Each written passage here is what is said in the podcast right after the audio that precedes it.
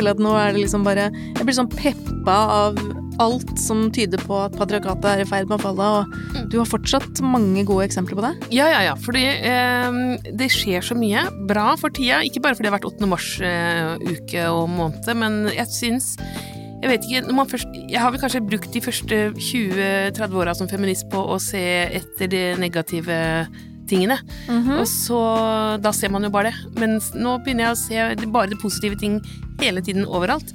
Og Veldig bra.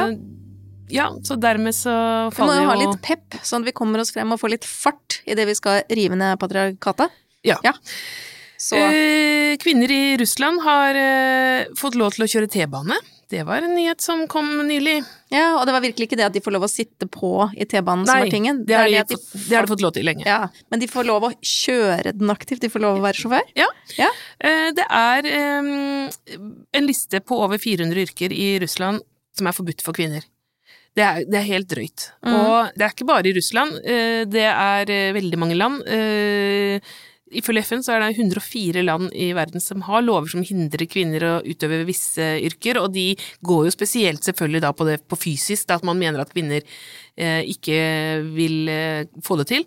Eh, men det er vann- og energiforsyning, gruvedrift, byggebransje, jordbruk, transport osv.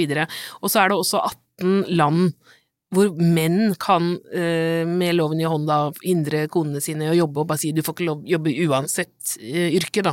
Nei. Så man må i Eh. praksis ha med seg en sånn lapp hjemmefra hvor det står 'min kone får lov å jobbe'.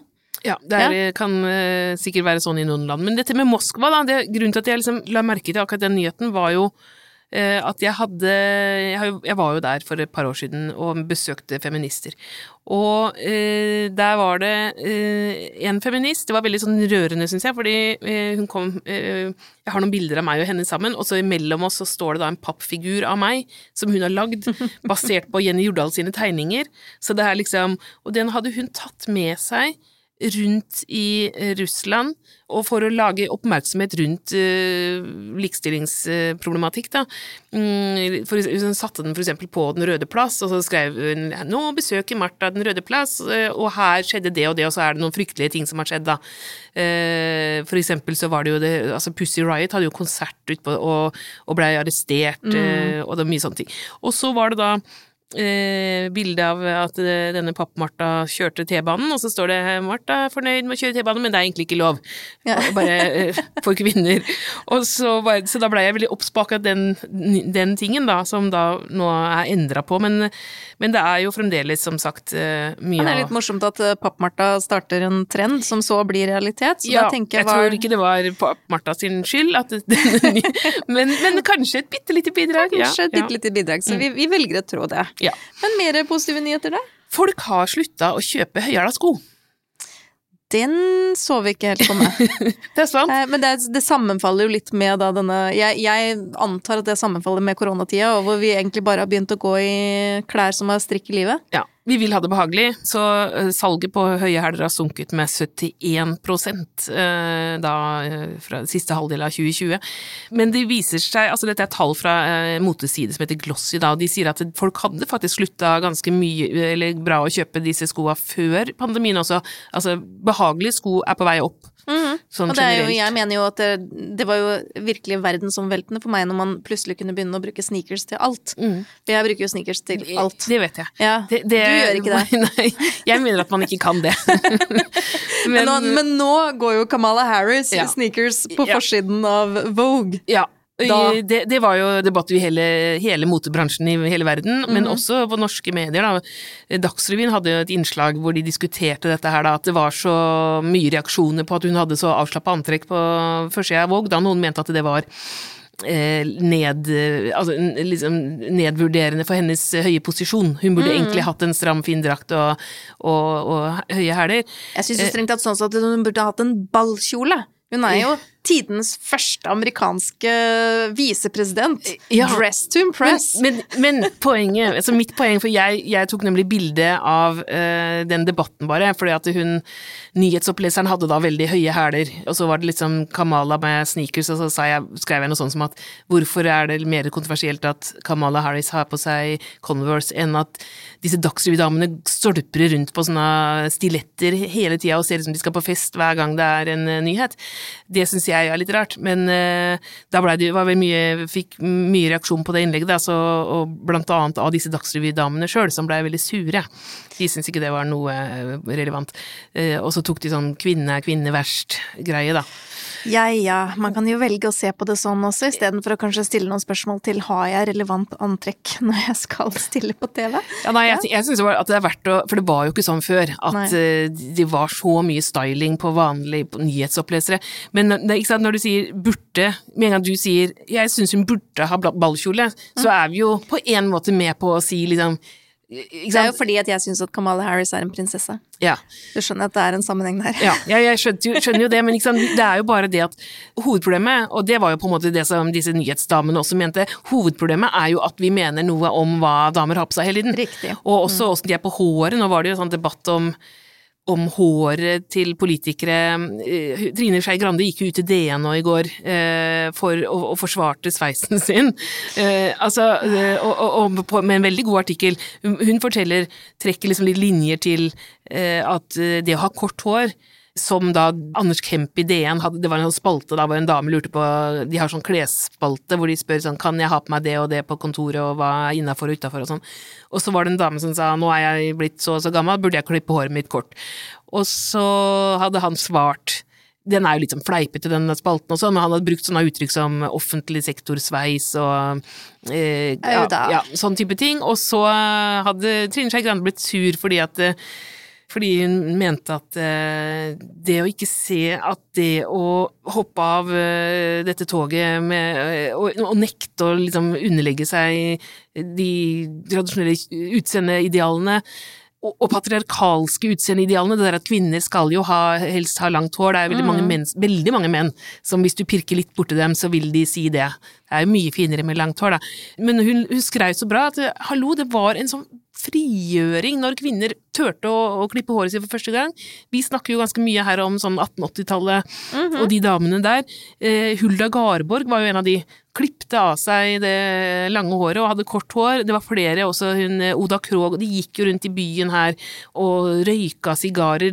I dag så ser vi jo ikke akkurat på det å røyke heller som en Eller å drikke alkohol som noe feministisk frigjørende, men det var jo det.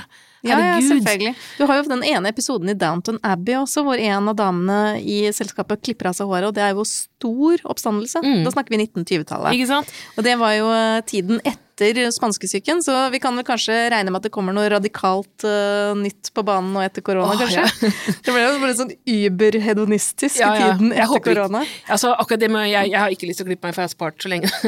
men eh, noe annet uh, vilt og gærent jeg var med på. Ja, for det er noe, men uansett så må jo moralen med det hele være selvfølgelig folk får lov å bestemme sjøl hva de skal ha på seg, og det er jo uh, hvorvidt det er riktig eller ikke. Jeg kommer til å fortsette å gå i sneakers. Du velger skoa dine sjøl, og hårlengden din selv også.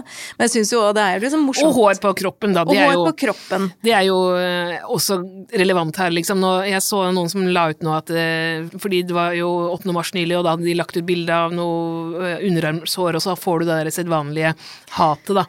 Ah, så der er det på en måte kanskje Det er kanskje det området vi kvinner har minst reelt fritt valg i dag.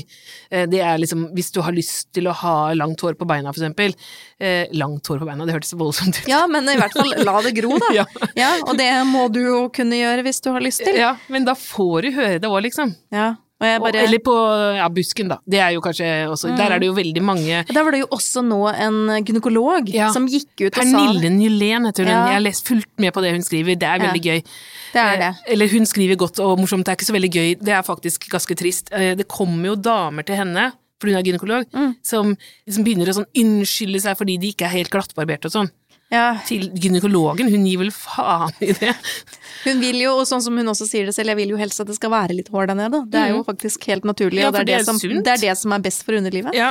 Så, Og så sier hun jo også at mye av det der med uh, disse vrangforestillingene om at man er vanskapt der nede, som er veldig utbredt blant unge jenter som har sett uh, mye porno og sånn, det er jo fordi de barberer av seg alt. Altså hvis, ikke, du, hvis du har en liten dott, så, så blir du ikke så opphengt i åssen det ser ut, da, for da ser du det ikke så godt. Mm. Men hvis du skal være glattbarbert hele tiden, så er det bare sånn å shit, det er skeivt! Ja. Og det er liksom ja, det er noen sånne utfordringer der òg. Men eh, ja, vi oppfordrer folk til å også bestemme selv når det kommer til de tingene der òg. Ja. Bestem sjæl. Det er det viktigste. Jepp. Men eh, det var jo enda en god nyhet, men det fins jo mer. Vi må nesten havne den her, det er ikke helt nytt det heller, det er, men lojal eh, Jeg klarer ikke å si det. Loyan al-Hatlul, eh, saudiarabisk kvinneaktivist som eh, jeg har fulgt litt med på en stund. Hun er med i den kommende boka mi 'Patriarkatet faller'. Som kommer til høsten, Som kommer og til som jeg akkurat har lest. Den skal vi snakke masse om etter Ja, så bra. Det er jo en, eh, en tegneserie som jeg har lagd med Jenny Jordal, eh, som handler om sexismens historie, og der har jeg lagd, eller vi da, det er jo mest hardt arbeid for Jenny akkurat den scenen her, eh, en sånn dobbeltoppslag med eh, 60 kvinnelige pionerer, holdt jeg på å si, fra hele verden. Fordi at eh, den forrige boka, der er vi, det er ganske mye med hele verden, men her er det sånn, nå tenkte det må jo være eh? Når, når jeg så plutselig at det er ingen fra Kina, det er ingen fra der og der, så må, det må jo finnes, og så har vi gjort litt bedre research på det. Bare virkelig få navnet på den største kvinnelige feministen i ditt land, ikke sant. Så nå er det så bra dekka, da. Og så har vi litt unge og litt gamle også, og så har vi den yngste, da. Det er jo Loyan. Eh, fordi hun satt jo, når denne ble tegna, så satt jo hun i fengsel, og Ja. da sto det faktisk veldig dårlig til. Det var Hun satt jo i fengsel for den eh, radikale eh, handlingen å kjøre bil. Ja, det var det, ikke sant. Hun var en av de kvinnene som hadde kjempa for at kvinner i Saudi-Arabia skal få lov å kjøre bil. Og blei arrestert, eh, satt inne i tre år, eh, blei veldig dårlig behandla. Det var eh, snakk om seksuelle overgrep, og vi får sikkert ikke hele historien eh, hennes eh, på en stund, men hun har hatt det tøft og sultestreika. Og eh, blei jo nå eh, sluppet ut av Hun har- fikk jo etter hvert mange andre anklager på seg, for de liksom for, så hun blei mistenkt for det var spionasje, og hun blei mistenkt for å ha søkt jobb i FN. Det var det drøyeste, da. Ja, det skulle jo tatt seg ut. Ja. Ja. Så, Men det er eh, jo alle de tingene Det blir jo enormt mye aktivisme rundt å få henne frisatt. Mm. Og så tror jeg, eller man kan jo anta at eh, den eh, nye ledelsen i USA kanskje også har bidratt til å pushe litt på, for Saudi-Arabia må jo jobbe litt med den relasjonen sin der nå. Mm. Så de har liksom en liten jobb å gjøre for å gjøre seg litt mer spiselig. Trump lot jo slippe unna med hva det måtte være. Men det er, det er jo, når det er sagt, så sitter jo de Det sitter flere andre Ja, inne fremdeles. Så vi må altså. ikke slutte å pushe på å få frigitt eh, kvinneaktivister i Saudi-Arabia. Det trenger å pushes masse på fortsatt. Men det er jo i hvert fall positivt at hun er ute. Hun er ute. Det Ja. er veldig, veldig bra. Ja. Du, har du, du sitter med en bok der. Er det noe du skal prate om? Ja, som vi nevnte sist, jeg har jo Jeg leser jo med de nye lesebrillene mine, Ja. så, så noe har det jo blitt. Og nå begynte jeg å lese på en bok som heter Si ingenting, av Patrick Radden Keefe. Eh, som jeg da tenkte ikke var så innmari sånn relevant for det vi holder på med. Eh, for den handler jo om konflikten i Nord-Irland. Eh, men det viser seg at det er den jo. Er det noe Ja, fordi at når vi går tilbake til 60- og 70-tallet i Irland, så skjedde det utrolig mye innenfor eh, IRA og aktivismen. Og blant annet det at kvinnene tok mye, mye større del i eh, faktisk aktive handlinger. Og nå heier jo ikke jeg på terrorisme på noe som helst Det nivå, høre. det må man ikke tro. Men jeg syns jo det er interessant å se at man på flere nivåer liksom med politisk sett da, for kvinner som er mye mer eh, til stede og likestilte da, med de andre aktivistene. Eh, så i denne boka så handler det mye om et eh, søsterpar. Dolores og Marian Price. Er det sakprosa eller skjønnlitteratur? Dette er sakprosa. Det er Ja. absolutt sakprosa. Den Mm. fikk jo til og med Orwell-prisen i 2019, og har faktisk fått veldig mye god omtale, denne boka. Så det er vel verdt å lese, rett og slett bare fordi den er spennende. Men jeg syns det var så interessant å følge disse søstrene, som da går ifra å drive med eh, fredelig aktivisme først, eh, opplever å bli på et tidspunkt hvor de tok en marsj på tvers av Irland, eh, bli fysisk angrepet av eh, denne oransjeordenen, da, som står, som er da motstanderen. Eh, og, og, ble så desillusjonert at de rett og slett gikk rett inn og fant ut at de skulle engasjere seg i, i militant kamp istedenfor, i IRA. Eh, og de var også med på den første, for til å begynne med så sprengte de masse bomber i Irland. Mm. Og jeg syns jo egentlig det er litt pussig, da. Man skal liksom kjempe for friheten til uh, Nord-Irland, og så ender man opp med egentlig i stor grad uh, drepe sine egne. Det var jo kanskje ikke sånn kjempestrategisk. Men på et tidspunkt så fant de ut at nei, vi må gjøre dette, vi må dra til London og sprenge bomber der. Mm. Mye lurere. Mye lurere. man kan i hvert fall si mye mer effektivt, for de mm. fikk jo eh, i hvert fall mye mer oppmerksomhet for det. Og det var da Dolores Price som var lederen i den gruppen som dro til London for å utføre dette attentatet. Um, de greide jo å sprenge Eh, ikke alle bombene, fordi at de ringte og varsla først, sånn at de skulle liksom få sjanse å uskadeliggjøre det, mm. men de ble likevel tatt. Mm. Det var ikke så innmari gjennomtenkt alt, og i hvert fall ikke hvordan de skulle komme seg tilbake til Nord-Irland. Eh, så hun og søstera, de ble satt i fengsel. Og dette er jo 1972. Mm. Og det som jeg syns også var ganske interessant der, er jo at de sultestreika, og de ble tvangsfora. Ja, veldig likt som suffragettene ja, så I, i 1912-13 var det de holdt på på akkurat samme måten. Ikke sant. Og man brukte akkurat de samme virkemidlene mm. for å knekke disse søstrene. Og det de sultestreika for, var jo ikke for å slippe fri, det var for at de ville sone sin straff i Nord-Irland som politiske fanger. Mm. Det var det de sultestreika for. Um, det var det samme som suffragettene, det var deres krav også, ja. for å bli sett på som politiske fanger. Politiske aktivister. Så du kan tenke deg det, der har det gått 60 år, mm. og man dreiv med samme strategi i Storbritannia. Mm. Så dette var liksom en av de eh, poengene, men i hvert fall det at de har dette blikket også liksom belyser da kvinnenes rolle i, i aktivismen, det syns jeg òg er faktisk et stort pluss med den boka, som er veldig spennende. Um, så den anbefales. Ja, Si tittelen en gang til, da. Si ingenting. Si ingenting. Heter den. Mm. Hva med deg, da? Ja, nei, litteratur Altså, jeg har uh, ikke lest noe siden forrige uke, hvis det er det du tror. nei, du har ikke det, men du har vel kanskje sett noe på TV, da? Jeg har sett masse på TV. ja. ja, hvorfor har du sett masse på TV? Ja, du mener fordi jeg har fått meg min egen TV på rommet. Jeg, jeg, har fått TV på rommet. Og det du er jo så Du er liksom den mest populære jenta i klassen eh, i tenåring på ungdomsskolen. Også TV med, på rommet. Ja, med fjernkontroll, liksom, så jeg kan ligge i senga og, og switche. Jeg drev jo fabla om å kjøpe en leilighet til, det var det som var greia nå, ikke sant, når koronamørket var helt eh, på det aller verste, og jeg tenkte jeg holder ikke ut et sekund til så begynte jeg å kikke på sånn ettromser på Ryen for å se om jeg kunne få litt eh, luft. Og så syntes ikke mannen min at det var noen god idé, da. Han sa det var mye, ja, mye penger. Så da sa jeg da vil jeg ha TV på rom. det gjelder å forhandle på riktig måte. Ja. Liksom, hvordan skulle han si nei til det? Ja. Men uh, hva er det beste du har sett på den nye TV-en din, da? Det, ja, nei, jeg har sett hele den derre Chef's Table. Jeg syns det er kjempegøy. Uh, med fantastiske kokker og vakre vakker filming, og, og, det er matporno på det. Altså, det er helt sånn Nå kommer det norsk også. Oi. Kokkeliv. Det kommer til å bli dårlig forhold. Nei, det tror jeg ikke. Det ikke? ser faktisk veldig spennende ut. Ja. Så den, eh, den, skal i hvert fall jeg få med meg. Ja. Så to kvinnelige kokker der òg. René Fagerøy, kanskje? Ja, vi får se. Og jeg digger hun. Mm. Men øh, den andre serien er jo denne som sikkert mange av lytterne har sett i det siste òg, vil jeg tro. Fran Lebowitz på Åh, Netflix. Elsker Fran. Mm. Det er, altså det er liksom, ikke sant, en skikkelig sur, gammel lesbisk dame. Det er ikke så ofte man eh, får de i fri dressur.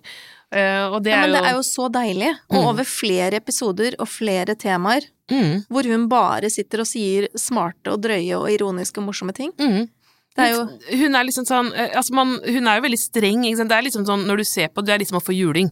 Fordi at hun er jo så streng med oss også, ikke sant? med alle dårlige, folks dårlige sider. Hun hater turister, hun hater dumme folk, hun hater forfengelige mennesker, og er skarp. Men hun elsker bøker, så derfor så tror jeg liksom yeah, I'm in Ja, men jeg, ja.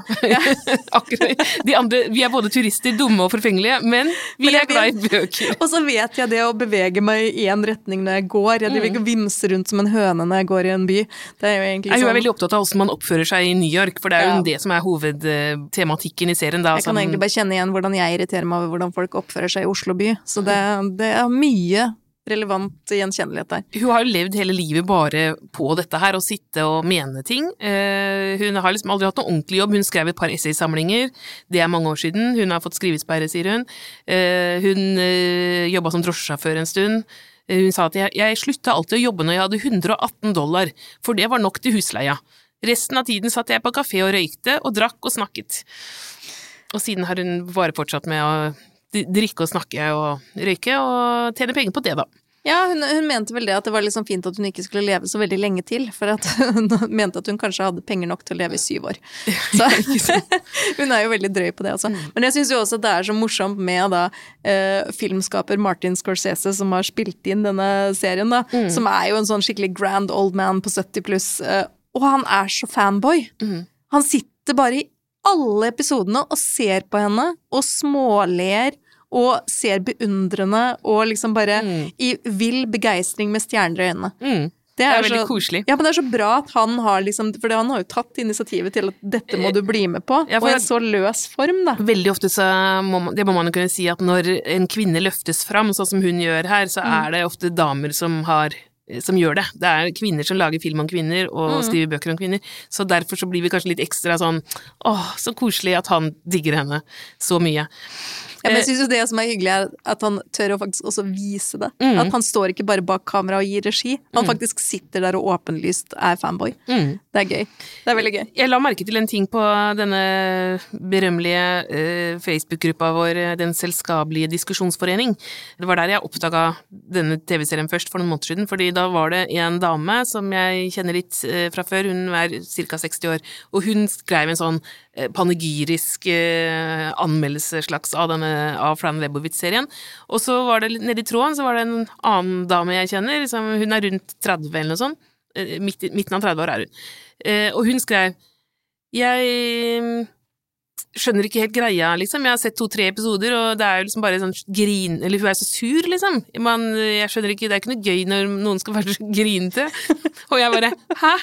Er det ikke gøy med grinete folk? Da, da, Det er kjempegøy. jeg tenker at det, er litt sånn, det var så veldig tydelig litt sånn generasjonskonflikt der. Fordi at uh, vi tilhører på en måte den der litt eldre eh, Vi har jo litt sånn gammeldags humor, for vi er jo, var unge på 90-tallet, og da Det er jo ironigenerasjonen, det. Ironi, sarkasme, spydighet, alt det som liksom eh, den, Treffe med en god one-liner, Ja. få det til, liksom sånn. det, det kan godt hende at ikke det er så innlenger vår humor, da, men, og at det kanskje blir oppfatta som Men eh, nei, jeg bare tenkte hæ? Da har det skjedd noe med kulturen. Og det, det, det er sånne små ting man hele tiden man, merker at man er gammel, da, eller at man er ute av takt med tiden. Det, for det var Altså, det er den der følsomheten som Særlig legger jeg merke til det på den selskapelige diskusjonsforening. Der var det en, en annen tråd i forbindelse med at noen hadde født uh, alene, som man må uh, i koronatida noen steder, og det er jo sørgelig. Og det syns vi er kjipt. Det er veldig trist. Men det var bare starten på tråden, da. Så var det da en eller annen person som hadde sagt litt sånn ja ja, eh, nå kan man jo si at det uansett ikke er så veldig smart å, få barn når man er eh, singel og arbeidsløs, for det var liksom svar til en eller annen, kommentar der, da. Og- det tenkte jeg, nei, det kan man være enig i, tenkte jeg. Det er ikke noe smart å få smart, da. Å få barn når man er singel og arbeidsløs. Og så av praktiske årsaker, på en måte økonomiske årsaker. Men det var liksom Det var ikke innafor å si. Det, da ble de fullstendig rabiate i den tråden på hvor ufølsomt det var, og hvor det var så dømmende mot de som da velger akkurat det. Eh, og så tenker jeg mm, Mora mi kunne ikke deltatt i offentlig debatt, uh, for å si det sånn. Altså Hvis ikke det er lov å komme med fornuft og Og det var jo også sagt litt sånn halvironisk. Ja, Det, er jo sånn der, det er jo litt sånn derre ja ja, som om ikke den som er singel og arbeidsledig har tenkt på det, At og det likevel tatt ja. det valget. Det er jo liksom sånn Men det er jo noe med å og ikke alltid være så politisk korrekt. Da. Eller, eller så sår Altså, jeg politisk korrekt, jeg liker ikke det begrepet, for Ja, jeg syns jo egentlig at politisk Lettkrenka, da. Ja, nei, jeg liker ikke det heller. Hva- Altså, hva liker du da? Nei, altså, ikke vær så sår, da. nei, men altså, krenke Altså, vi veit jo at de blir jo brukt eh, politisk, disse begrepene, så, for ja, ja. Å, å tråkke på mennesker som løfter fram helt betimelige spørsmål. Mm. Uh, så jeg, jeg nesten så jeg ikke tør å si de tingene jeg sier nå. Så jeg tenker at for, hvis vi skal snakke om det litt treffende, så må vi nesten se på det som et sånn generasjonsspørsmål. Mm. At eh, kanskje vi har litt uh, hardere hud, da, vi som eh, er i 40-åra, enn de som er yngre, av en eller annen grunn. Av, av tidsånden, liksom. Kanskje er det vi som tar feil, kanskje burde vi ikke være så sleivkjefta. Uh, men uh, det er, er bare Vi må bare innse at vi er det. Fordi vi er, vi er en del av vår kultur og vår tidsånd. Jeg husker jeg har, vært, jeg, har skrevet ganske mye negativt om det såkalt ironiprosjektet, fordi det gikk jo utover damer og kvinner og, og politisk eh, Ja. ja, ikke sant. Det, det var jo noen menn som styrte liksom hele den humoren og hele den skuta, føltes det som. Mm. Så jeg er på en måte kritisk, men, men jeg er jo en del av det. Jeg kan ikke noe for det. Så jeg tror Eh, egentlig da budskapet må bli litt sånn herre la døra stå litt åpen, da, fra både den eh, eldre og den yngre generasjonen, og at vi kanskje Vi har jo snakka om det også før. Vær litt raus, da. ja. Rett og slett. Men du, når vi snakker om uh, ufrivillig graviditet, uh, og det å være singel, arbeidsløs og gravid, så må vi snakke om Yngvild Sve Flikke. Ikke fordi at hun er ufrivillig gravid Nei, det vet, eller noe sånt. Det vet jeg ikke noe om. Men Men hun har lagd en film om det, Uh, Ninja Baby, som uh, vi ikke får sett, da, fordi, vi, fordi kinoen er stengt i Oslo.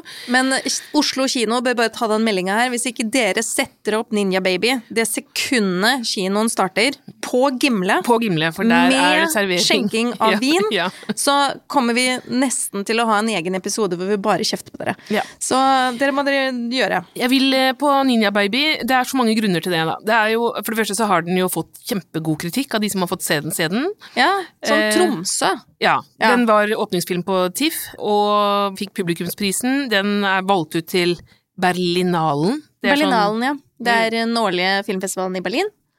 Den er basert på tegneserieboka til Inga Sætre, som eh, heter eh, Fallteknikk. Fallteknikk. Den er jo kjempebra. Ja, Brageprisvinner og alt. Inga Sætre er veldig kul. Veldig kul dame. Ja, har, jeg fulgte den Møkkajentene som hun lagde for mange år siden, og veldig, veldig veldig sjarmerende tegneserie. Og så har hun lagd noen flere bøker etter hvert.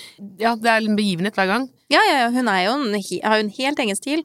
Eh, veldig bra tematikk hun tar opp, og så våger hun å være litt drøy. Hun er litt sånn sånn som Møkkajenten, hun er litt sånn skitten i kanten, Ja. kan du si. Ja. Og eh, altså, så elska jeg jo forrige filmen til Ingrid Sve Flikke, 'Kvinner i for store herreskjorter', eller forrige spillefilmen hennes, hun har gjort veldig mye forskjellig. Den var basert også på en roman, da, på Gunnhild Øyehaugs 'Vente blinke'. Eh, den handla også om folk som var ufrivillig gravide. Du ser det er en rød tråd her. Det er en rød tråd. Eh, Det var jo da både eh, Anne Krigsvold, skuespilleren eh, ja, Hun spilte jo den ene eh, hovedrollen, da. Hun er så kul. Hun hadde fått en unge for 40 år siden som hun hadde adoptert bort. Eh, og nå prøvde hun å finne han igjen, da. Eh, og så trodde hun at det var denne kulturmannen som kom for å lese dikt, eller lese romanen sin i, i Trondheim, sånn var det. Og hun oppsøkte han. Så det var den ene historien som handla om sånn graviditet, holdt jeg på å si. Og så var det Henriette Stenstrup som spiller denne andre eh, hovedrollen, som er da en høygravid eh, dame som er singel og arbeidsløs, eh, og eh, som bestemmer seg for, for hun er kunstner egentlig, da, men det går ikke så veldig bra, og så tenker hun at det kan bli mitt gjennombrudd hvis jeg føder foran publikum i et bur med Marie Antoinette-klær og parykk. Det var liksom, skulle være en performance, da, og det er så utrolig gøy. Eh, men det blir ikke sånn fødsel som hun eh, håper, da. Veldig rart. I wonder why. Nei, hun prøvde en stund med det. Eh, så det var liksom den, der, den forrige filmen som det var jo ikke det, Dette var egentlig bihistoriene, da. Hovedhistorien handla jo om en sånn ung jente som faller for en kulturmann. Men Også en kjent historie. Ja, vi har hørt om det før. Hørt om det før. Men så er det da Ninja Baby, da, som handler om en eh, gravid ung jente som ikke vil eh, være gravid. Altså først ikke vedkjenner seg at hun er gravid i det hele tatt, Ja. og så vil hun i hvert fall ikke være gravid, men Mm. da er det litt for seint. Ja, så det, det blir gøy, og øh, jeg tenker på det der med aborthistorie og hun øh, godeste mm, Anne Krigsvold, for at det var egentlig første gangen jeg i mitt liv tenkte alvorlig på dette temaet med abort. Det var på grunn av Anne Krigsvold, hun spilte hovedrollen i jeg tror det var kanskje Mandagsfilmen, eller hva heter det, Fjernsynsteatret eller noe sånt noe, Av måneskinn gror det ingenting, den Torborg Nedreås-romanen. Mhm. Og da var jo Anne Krigsvold uh, pur ung, da, og så tok hun en sånn, sånn abort som man gjorde i gamle dager med, på seg sjøl, med strikke, Strikkepinner. strikkepinner eller noe sånt. Og det, jeg skulle jo ikke sett den, selvfølgelig, jeg var ti år eller noe, det var bare, jeg vet ikke hvorfor jeg fikk lov til det, men, eh, så det, men jeg Jeg har jo vokst opp med en feministisk mor, Ja, så det, det kan vel ha vært uh, noe Men det sammenheng der. gjorde så inntrykk, Uh, på, og jeg har liksom nesten aldri kunnet se Anne Krigsvold noen gang uten å tenke på strikkepinner. Mm. Uh, men det var jo, ja, sterkt. Men også tenke på hvor utrolig radikal Torborg Nedreås må ha vært på den tida hvor hun skrev om det. For det var jo før man i det hele tatt hadde noe som helst aktivisme for å få, få gjennomført uh, Ja, det var ikke noe ab- abortkamp i Norge på den tida. Det var i 1947 kom den romanen. Ja. Eh, Riktignok så hadde Katti Janke Møller og, og, og noen til jobba politisk for mange år siden, men abortkampen var ikke eh, kommet i gang. Det første, altså det var vi, faktisk Vibeke Løkkeberg som løfta abortkampen i Norge første gangen i det kulturelle, da, med, med sin film Abort eh, på slutten av 70-tallet. Nei, eller var det ja, rundt Slutten av 60-tallet. Slutten av 60-tallet Ja. var det nok, ja. Eh, Så dette her, 47, da var det lite snakk om det.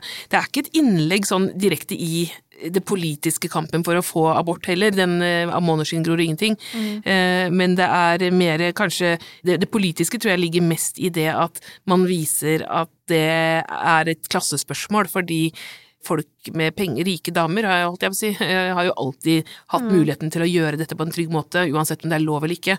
Og det gjelder jo fremdeles i dag, men det er jo arbeiderklassens kvinner som ender opp eh, i den typen situasjoner, da. Ja, det er jo også ref det vi har snakka om i forrige episode om Polen. Mm. At det er jo klart at selv om det ikke er mulig å få, få abort i Polen i dag, så gjelder det selvfølgelig ikke de som har penger Mm. til å bare dra rett over grensen til Tyskland, for eksempel. Men du, jeg, jeg vet vi egentlig skal slutte nå, men uh, jeg bare tenkte på når vi Ingvild Sve Flikke. Ja. uh, For hun skal gjøre mer gøy. Ja, Jeg, jeg, eller jeg tenkte, for hun er trønder, ikke sant? Og Ja. vi skal jo uh, Ja, hun skal gjøre mer, mer gøy, jeg må si det først. Hun Ja. skal lage en, en TV-serie om Gro Harlem Brundtlands eh, vei til toppen eh, på 70-tallet. Makta. Ja. Og det, det blir veldig gøy. Der er det veldig fine folk med. Kristin Grue, som er skuespiller, og Silje Storstein, de skriver manuset. Og hun Kristin Grue skrev jo en sånn barnebiografi om Gro Harlem Brundtland. Men det blir gøy. Men så kom jeg bare på, for nå var jeg så innmari der Kvinner i for store herreskjorter som foregår i Trondheim, og Ingrid Sve Flikke og Trondheim og Trondheim. Vi skal jo på sånn på Vi skal til. Trondheim! Til Trondheim. Ja! Ja. Og det er jo helt uh, Dette kom jo som et resultat av at vi, vi hadde jo litt klaging på Fotofar temareiser. Ja, det var jo det. Dette, ja. Så det var sånn det starta. Ja, og så har vi tidligere, jeg tror vi har sagt det tidligere til Ja. lytterne også, at det, at det blir, eh, at det har blitt en realitet at vi skal, men nå er den liksom lagt opp med alt gøy som vi skal gjøre i Ja. Trondheim, og eh, alle de trønderske damene vi skal prate om, og så Ting vi skal gjøre, og ting vi skal, steder vi skal dra, og mat vi skal spise, og i Ja. det hele tatt, det blir en veldig gøy tur. Den foregår jo da 1. mai-helga. Mm. Skal det legges opp tur? Vi satser alt på at folk er vaksinert og i god form til å ta turen da og bli med oss. Og dette er jo da Nå ble det Trondheim, var jo litt grann tilfeldig, fordi egentlig skulle vi jo til London. Ja. Ja. Men vi kan jo også si det såpass at 8. mars 2022, Da blir det London. da blir det London. I Virginia Woolfs fotspor. Yes. Og Mary Wollstonecroft. Ja, da har vi nesten planen klar for alt vi har lyst til å gjøre der også. Mm. Men uansett så er det da mulig å bli med oss til Trondheim eh, med Fotofar temareiser, så vi legger ut lenke til det også på Facebook-sida. Og liste på de bøkene og TV-seriene vi har prata om, for det har vi egentlig lova lytterne å legge ut. Ja, så det skal vi også skjerpings på det, og ja, bli mye, flinke, mye flinkere til å dele ting. Så oppsøk Facebook-sida, så legger vi ut ting der. Du har hørt på podkasten Patriarkatet faller av og med Marta Breen og Anette Garpestad, utgitt av Agenda Magasin. Ansvarlig for lydteknikk og musikk er Margarita Krimici. Du finner Patriarkatet faller på Facebook, Instagram og Twitter. Og du kan sende oss en e-post på patriarkatefaller at gmail.com.